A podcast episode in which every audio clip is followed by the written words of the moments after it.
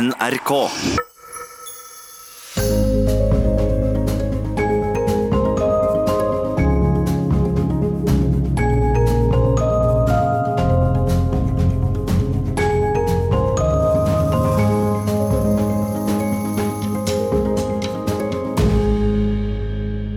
Det var en lördag i september.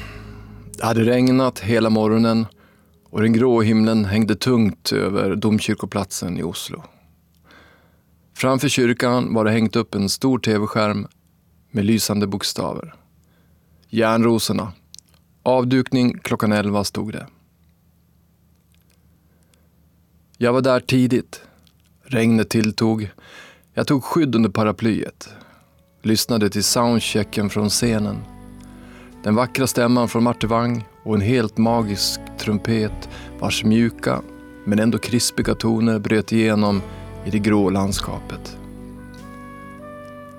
Det vilade ett lugn över platsen. En och annan besökare hade redan kommit och tagit plats nära rosorna som ännu var däcket av pressändning. Polis och media var på plats. Det var ett stort intresse för den här dagen.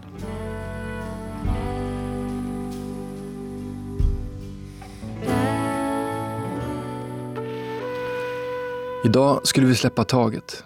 Nu skulle tusen järnrosor leva sitt eget liv. Att vi nu äntligen hade kommit hit kändes fantastiskt. Men också något overkligt. Jag kände mig känslomässigt tom där jag stod och betraktade resultatet. Jag hade arbetat med Järnrosemonumentet i åtta år. Det har varit åtta fantastiska år. Men det har också varit svåra tider. Alla jag mött under vägen har varit positiva. Politiker, organisationer, näringsliv och statsministrar. Man var enig i att detta var ett fantastiskt projekt. Men ändå så var det så vanskligt att komma vidare. Att finna placering och finansiering. Jag hade tagit initiativ till projektet och kände ett stort ansvar för att det skulle genomföras. Men jag kände mig ofta ensam, frustrerad och till och med förbannad ibland. Jag lämnade kyrkan och gick och tog en kaffe i väntan på att klockan skulle bli elva och det officiella programmet skulle börja. Med eh, kronprinsparet, biskopen, ordföranden och byråledaren. Järnrosorna ett kollektivt konstnärligt sorgarbete som kom till i kölvattnet av 22 juli och som nu i höst äntligen fick sin placering. Åpningen blev magisk. Känslorna kom ifatt mig. Domkyrkoplatsen var fylld av människor. Vi stod tätt tillsammans, så som vi gjorde när Rosehavet växte fram dagarna efter 22 juli. Jag tror att vi alla kände på allvaret. Men också på en stark känsla av gemenskap och en stor glädje över att rosorna äntligen fått en plats. Och utanför domkyrkan. Det kunde inte ha blivit bättre. Till dig som inte hoppar mer, du som tränger ett lysglimt och tränger det nå.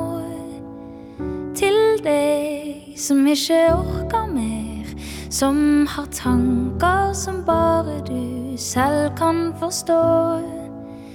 Til deg som ikke tror på Du hör på Vinter i P2.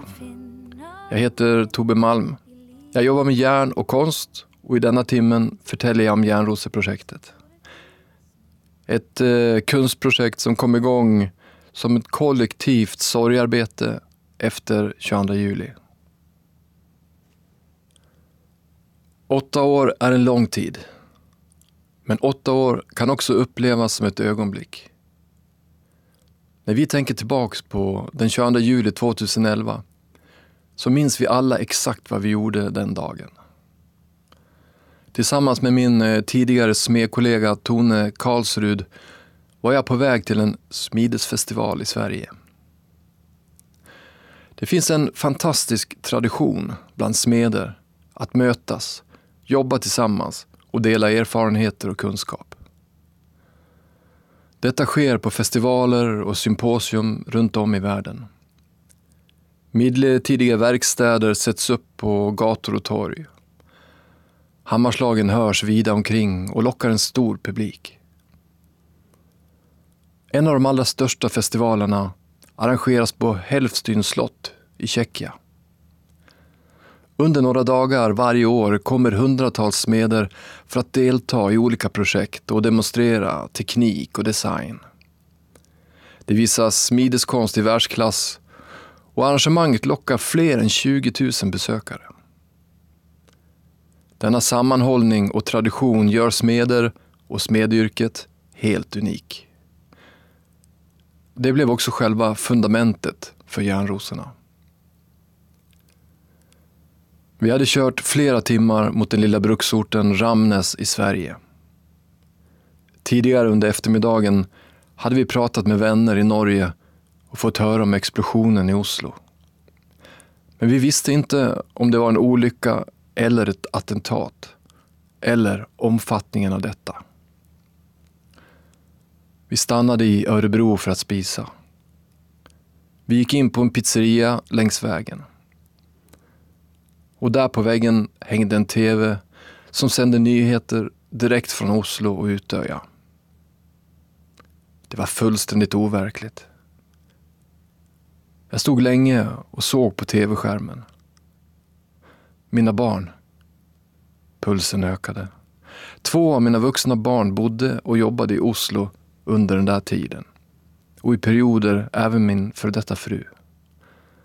Hon var psykeplayer och jobbade nu på Ullevåls psykehus. Min dotter svarade inte telefonen, men jag fick tag på min son. Han grät och sa Pappa, de skjuter ungdomar på en ö. Det ligger flera döda i vattnet. Han var i alla fall säker, men min dotter. Jag fick tag på min exfru som var på väg till Ullevåls psykehus. Hon sa att vår dotter var på sitt jobb och att det var bra med henne. Det är nog så vi alla reagerar vid en katastrof. Vi vill samla våra närmaste, för det är i ögonblicket det allra viktigaste. Då vi kom fram till Smidesfestivalen fredag kväll och mötte vänner och kollegor var stämningen tryckt. Vi försökte alla att förstå. Och i dagarna efterpå stod det klart att det fanns starka politiska motiv bakom attentaten. Därmed kom många av smedernas samtal att handla om den kultur av öppenhet som finns i smedmiljön. Bland smeder är åldersskillnad, man, kvinna, religion eller politik aldrig ett tema. Alla är välkomna. För vi delar en passion för ett yrke, en konstform som överlevt i alla kulturer världen runt sedan historiens begynnelse. Jag var kvar i Sverige när man i Oslo samlades för att gå i rosetåget. Jag såg havet av rosor växa fram utanför domkyrkan. Det var otroligt starka bilder. Tusentals människor i en manifestation för kärlek. Och våra ledare som stod enade i en påminnelse om det fundament och de värderingar vilket vårt demokratiska och öppna samhälle bygger på. Dessa manifestationer gav mig ett hopp, mitt i allt det obegripliga. Och det var det som inspirerade mig till att starta projektet. Jag ville fånga den känslan i en ros av järn. Jag ringde Tone som var tillbaka i Norge. Hon tyckte att det var en bra idé. Det gjorde också några av de smeder jag träffade på festivalen. Hos mina föräldrar fanns en bukett rosor som jag smitt några år tidigare. Jag fotograferade dem och skapade den första loggan till vår Facebook-sida.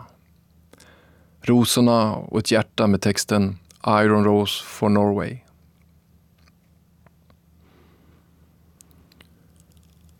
Ett par veckor senare var Norsk smedförening arrangörer för de nordiska mästerskapen i smide.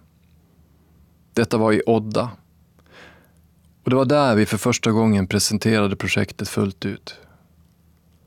Odda lokalradio gjorde ett reportage och snart var riksmedia på plats. Tone och jag smidde den första rosen till projektet och dagarna efter så la vi upp Facebook-sidan Iron Rose for Norway. Vi bjöd in våra internationella kollegor till att delta. Projektet var igång. Just då hade jag ingen aning om hur starkt detta skulle påverka mig och mitt liv. I just don't see why I should even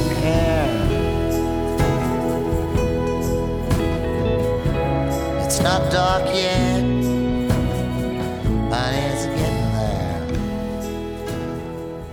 Jag växte upp i Norberg på 70-talet. Ett litet brukssamhälle 20 mil nordväst om Stockholm. Ett samfund där gruv och järnindustrin format samhället och människorna sedan urminnes tider. I Norberg var den tunga industrin alltid påtaglig. Eldsflamman från masugnspipan brann 24 timmar om dygnet. Tillsammans med Mimelavens 70 meter höga gruvtorn och kyrkspiran mitt i byn bildade det en slags treenighet som var synlig vart man än befann sig. Även om eh, arbetarna knappast var trogna kyrkobesökare så ingav den där treenigheten en slags trygghet. Allt var som vanligt och ingenting skulle förändras. Dygnet runt rullade tågen med flytande stål ut från masugnen.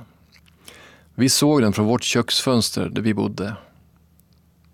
Sprängningarna under jorden, långt ner i det järnmalmsrika urberget, var ibland så kraftiga att söndagsporslinet skramlade på middagsbordet där vi satt och åt kålruletter, kokt potatis med brunsås och riskräm till dessert. Vi åt alltid middag klockan ett på helgerna och halv fem på vardagar när pappa kom hem från jobbet som svejsare. Det var lika hos alla i vårt kvarter. Vi barn var alltid ute och lekte och vid halv fem öppnades köksfönstren i hela kvarteret och våra mammor ropade att nu var det mat. Vi låtsas inte höra. Men efter tredje varningen och hot om att vi skulle bli utan middag så tömdes gårdarna för en halvtimme innan vi var tillbaka igen. De flesta av våra mammor var hemmafruar. Och på fredagar så städade man. Alla mattor skulle ut och piskas. Och jag minns att det var som musik.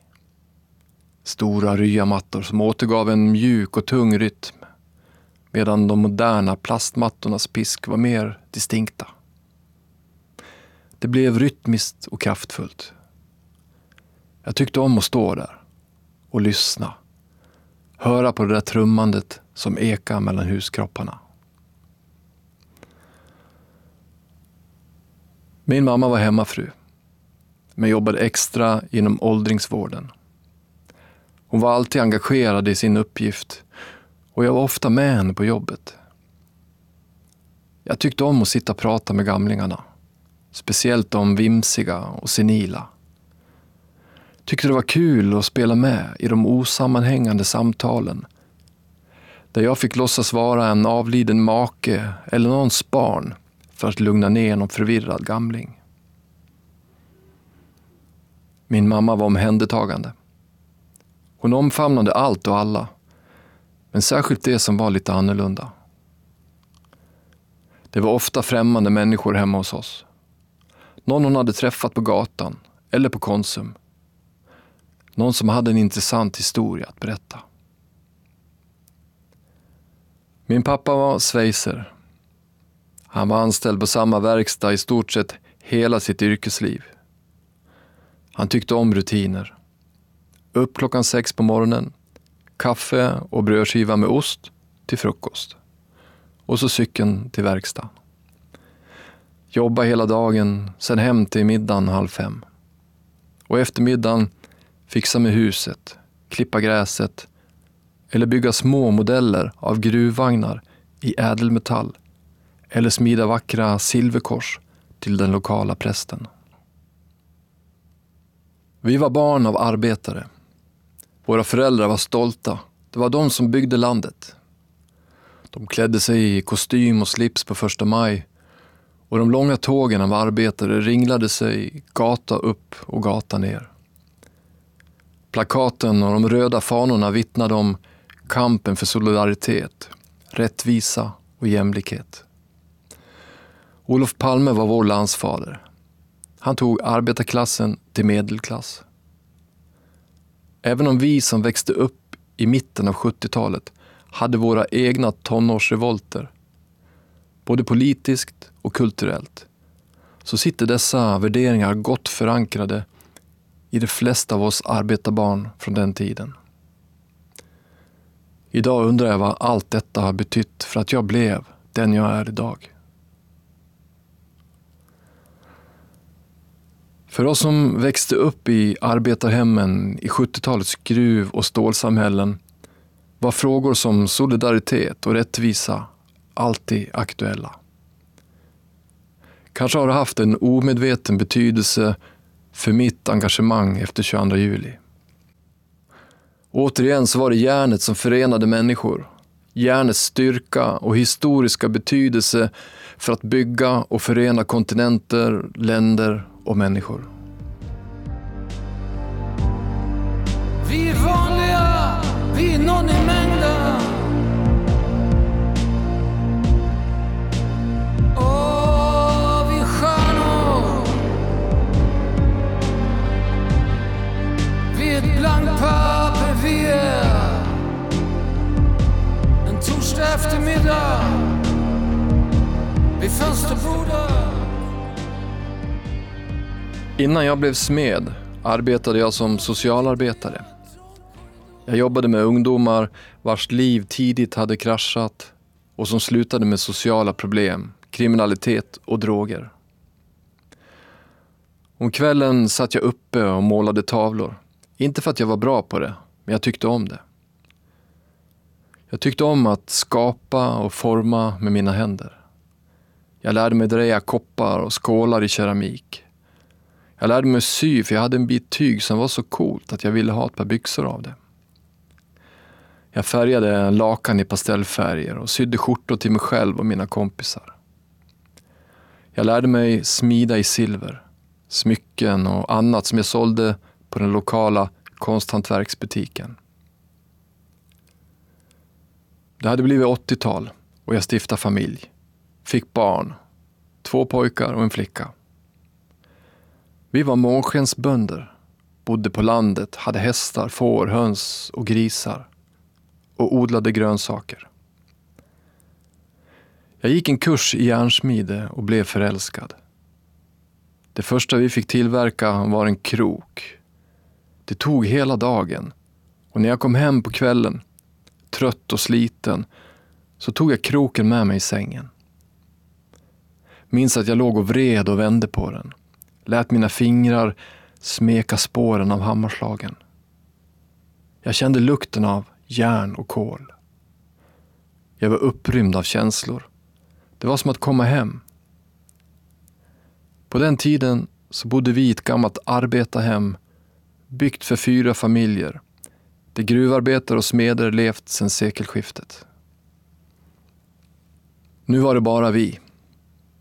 Jag kände närheten till det förflutna och en vördnad för ett hårt arbetande folk som på den tiden knappast hade något annat val än att arbeta hårt. Vi hade ofta besök av räven under den där tiden. Han smög sig på och tog hönsen en efter en. När den sista hönan var borta så flyttade jag in i hönshuset, byggde en enkel smedja och började utforska smidets magiska värld.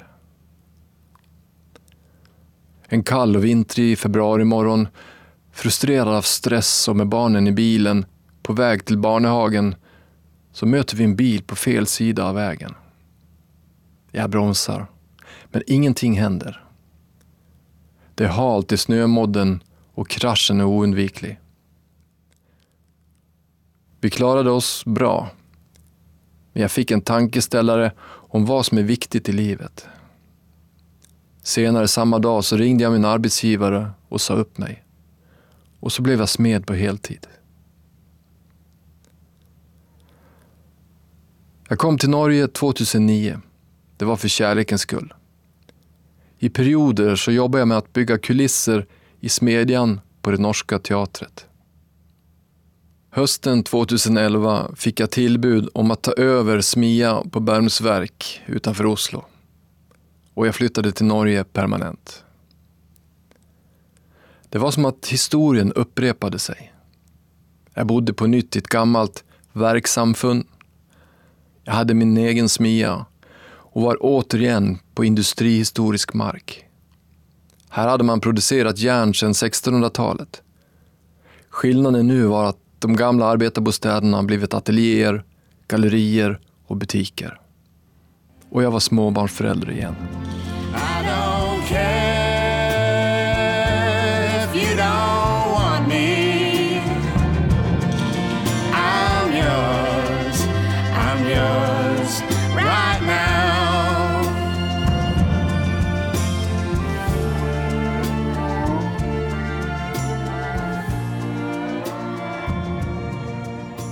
Mitt nya liv i Norge kom till att handla mycket om 22 juli och järnroseprojektet. Varje vecka hämtade min smedkollega Tone och jag nya rosor på posten som vi fotograferade och dokumenterade. Responsen på utfodringen om att smi en ros i solidaritet med offren efter 22 juli var överväldigande. Från smeder över hela världen kom det rosor. Vi skannade brev och dikter som var sänt samman med rosorna. Vi gjorde intervjuer med nationella och internationella media. Vi tog emot besökare. Alla ville se rosorna, höra historien om projektet om och om igen. Jag minns en isande kall eftermiddag i februari. En grupp smeder från Nederland kom på motorcykel. Det var åtta ekipage ryska Uralcyklar med sidovagnar. Det hade först rundat Nordkap innan det kom till snötäckta Bermsverk för att leverera sina rosor. Jag minns också en ung smed från Kroatien. Han arrangerade en kurs i rosesming och annonserade i lokaltidningen att alla som ville var välkomna och vad som var syftet med kursen. Det kom sju damer alla smidde en varsin ros, som han sen personligen kom till Norge med. Ett år senare så blev vi inbjudna till bröllop där han och en av kursdeltagarna skulle gifta sig. Norge var fortfarande som ett öppet sår. Vi reagerade och agerade utifrån känslor. Det var självklart vad som var viktigt.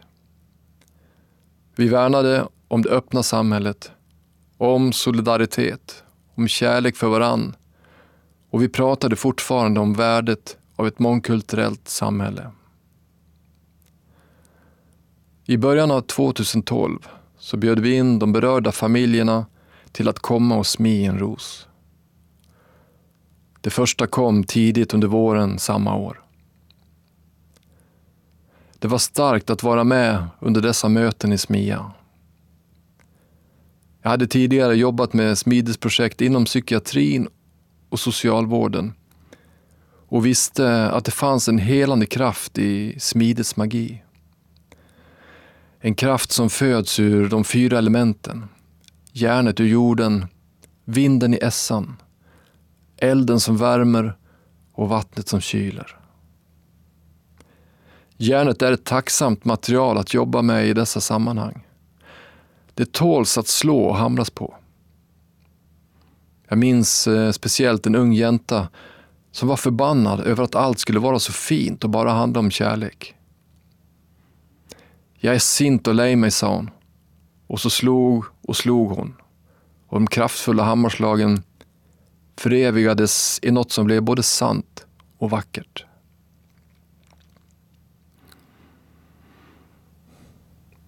I möte med familj och vänner så frågade jag alltid vem vi skulle smi en ros för.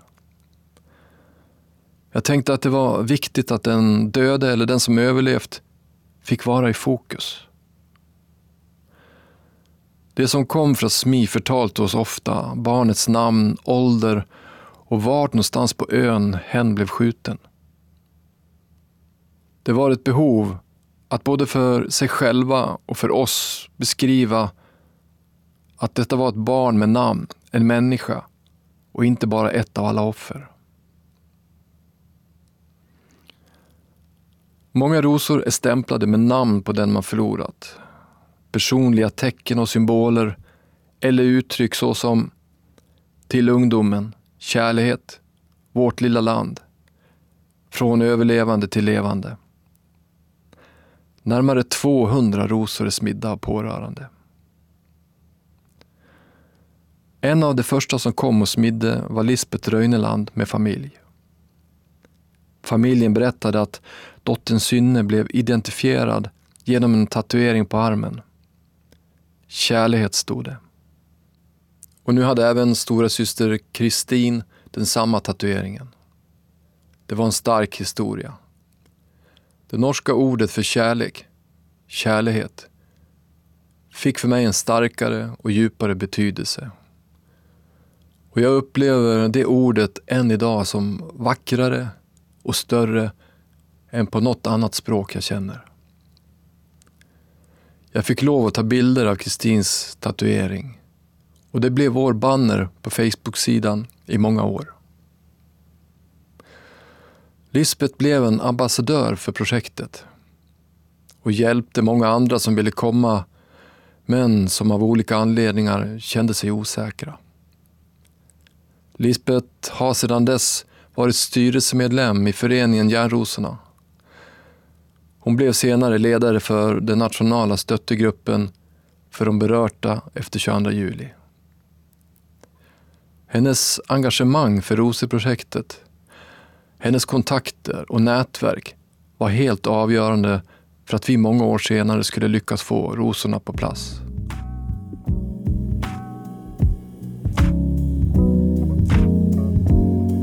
My visionary is a vision. I watch her dancing by the window, and it rips my flesh to ribbons. And the whole world is just ripples in the middle distance.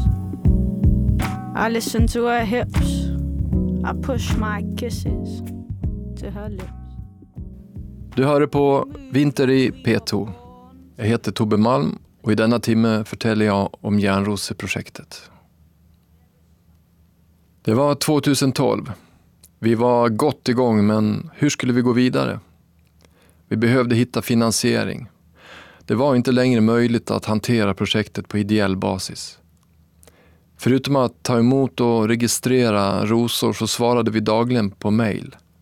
Uppdaterade Facebook-sidan som snabbt fick 3000 följare. Vi byggde webbsida och tog emot besökare.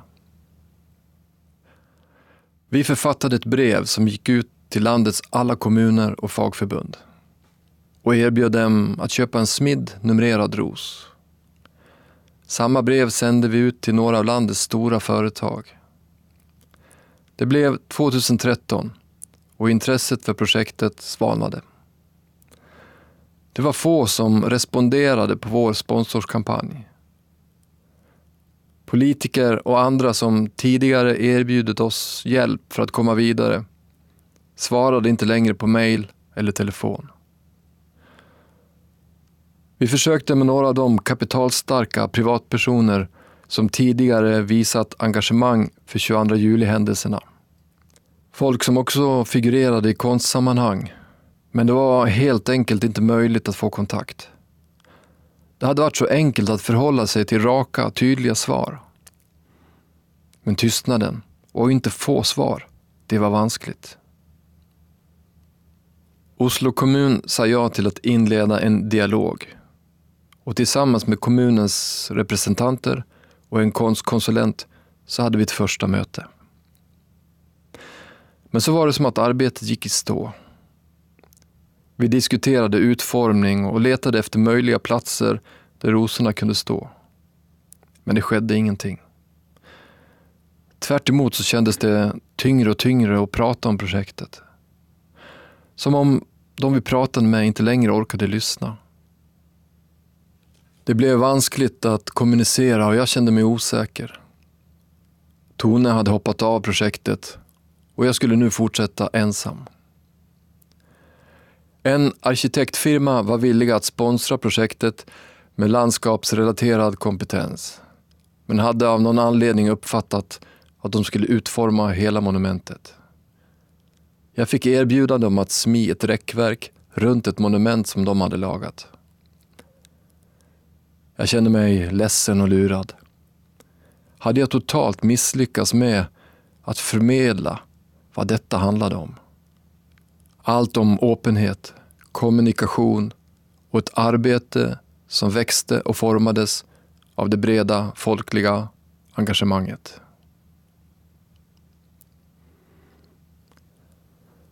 Jag upplevde att jag inte blev tagen på allvar. Och det blev till slut svårt att ta mig själv på allvar. Jag tappade motivation och gick in i en identitetskris. Jag lånade pengar av banken för att kunna betala hyra och för att avsätta tid till arbetet vidare med rosorna. Under 2014 så hade vi ett nytt förslag klart. Vi producerade en folder med digitala bilder av monumentet och texter som beskrev historien och tankarna bak utformningen. Vi planerade att skicka ut pressmaterial veckorna innan jul med en förhoppning om att locka finansiärer. Det blev ingen pressrelease. Det blev inga järnrosor det året heller. Det kunde vara värre, kan alltid vara värre. Tänk på det. Och om det är svårt kan det alltid bliva bättre. Tänk på det. Jag behövde ta en paus från rosorna. Vila och få distans. Jag upplevde att jag hade tappat greppet om järnroseprojektet och även tappat bort mig själv. Jag återvände allt oftare till Norberg, min hembygd. Jag strövade runt i de områden jag lekte som barn. I ett industrihistoriskt kulturlandskap vars storhetstid sedan länge var förbi. Masugnsflamman slocknade 1981. Samma år stängde den sista gruvan. Nu var allt på väg att brytas ner. Konstruktioner och byggnader i betong krackelerade. Järnbanor för gruvvagnar och annat stål vittrade sakta sönder av rost. Jag tänkte att naturen tar tillbaka. Den bryter ner och en dag skall något nytt uppstå. Gruvhålen hade bäddats in i grönska och träd hade slagit rot på omöjliga platser längs stenväggar ner i de mörka hålen. Det fanns gruvschakt som var många hundra meter djupa. Och man sa att det största schaktet under jord var så stort att där rymdes tre kyrkor. Folket i Norberg hade under många generationer försett världen med svenskt stål. Spåren efter den tiden syntes överallt. Det fanns något mycket vackert i det där. Jag plockade med mig skrot, gamla maskindelar, järnbanespiker, stora bolter och annat som påminner om min historia. Jag började bygga skulpturer av skrotet. Jag ville berätta min egen historia och jag gjorde det i första hand för min egen skull. Det blev som en egen terapi. Jag såg konturerna av mig själv återta form och så även mitt inre. Jag bestämde mig för att ge rosorna ett sista försök. Jag ville vara säker på att jag hade gjort allt jag kunnat. Samtidigt var jag tvungen att komma till ett avslut. För min egen skull, för pårörande och för allas meder. Jag hade skissat på en idé om att finna en vacker plats i Oslofjorden borra tusen hål i fjället och stöpa fast rosorna där. Det kändes ändå som ett värdigt slut på historien och jag kände att jag kunde vila i det. Några veckor efter femårsmarkeringen sändes en radiodokumentär om järnrosorna. Den satt nytt lys på projektet och media tog upp saken igen. Denna gång så handlade det inte bara om hur många rosor som låg på ett loft i smian på Värmsverk. Utan nu ville man veta vart politikerna stod i frågan. Under hösten togs ett enhälligt politiskt beslut om att Oslo kommun skulle finansiera projektet och garantera en placering. Och under hösten 2016 blev det officiellt att rosorna skulle få sin placering utanför domkyrkan. Projektgruppen samlades igen och jobbade med stort engagemang för att få rosorna på plats. Under våren påbörjade jag arbetet med att montera rosorna. Jag kände ett behov av att ta tillbaka projektet, att avsluta så som vi en gång började. Jag ville öppna upp för möten igen och ge rum för samtal. Järnrosorna är inte bara ett konstverk, ett minnesmonument. Det är också ett viktigt dokument efter 22 juli. Projektet kom under åren till att bli en mötesplats där det har funnits rum för att dela tankar och upplevelser. Ett rum för att skapa någonting gott utifrån den ondska vi blev vittne till. Det finns rosor smidda av gevärspipor från beslagtagna vapen. Men också vapen från före detta brottslingar som tagit sig ur kriminalitet och önskat få sina gamla vapen omsmidda till rosor. Denna sommar tillbringade jag i ett tält på 6 x 6 meter. Besökarna på Bermsverk kunde nu följa arbetet på nära håll. Och jag var tagen av det stora intresse och engagemang människor visade. Vi får inte glömma. Vi måste fortsätta att samtala om 22 juli. Om det fundament grundat på demokrati och öppenhet som vårt samhälle bygger på. Och vara på vår vakt och stoppa den våg av icke-demokratiska värderingar som sveper in över Europa under sommaren så fick pårörande och överlevande som inte tidigare smitt rosor en ny möjlighet. Intresset för att bli med var stort. I denna runda kom det många barn och unga. Barn som var så små den 22 juli 2011 att de inte har några egna minnen av sin stora syster eller tante. Och AUF-are som nu gått vidare och var ute i arbetslivet. Jag vet inte hur många nya smeder vi fick under sommaren, men det blev många rosor. Jag minns särskilt pappan till mor Utöja, Monica Bösej. Sverre kom i sällskap med sin dotter Yvonne. Han hade sett fram emot att komma och smy och var välbekant med denna typ av verkstadsmiljö. Vi hittade varann på en gång. Han var rätt fram, öppen om vad han tyckte och tänkte om vapenlagar om Breivik och hela samhället. Jag har varit förbannad ända sedan den dagen, sa han. Jag har inte skrattat eller varit glad sedan dess. Vi jobbade på och efter ett par timmar var ännu en vacker ros av järn född. Han tog upp den, såg och kände på den. Han höll den mot sitt bröst och det kom ett litet leende över hans läppar. Men pappa, du ler ju, sa dottern. Gör jag, sa han förvånat. Och så log vi alla tre. Nu står även hans ros föran domkyrkan. Till dig som ikke sover mer Du som drømmer deg våken om alt du skulle gjort Til deg som bare sover bort. selv om alt løper fra deg og tiden går fort.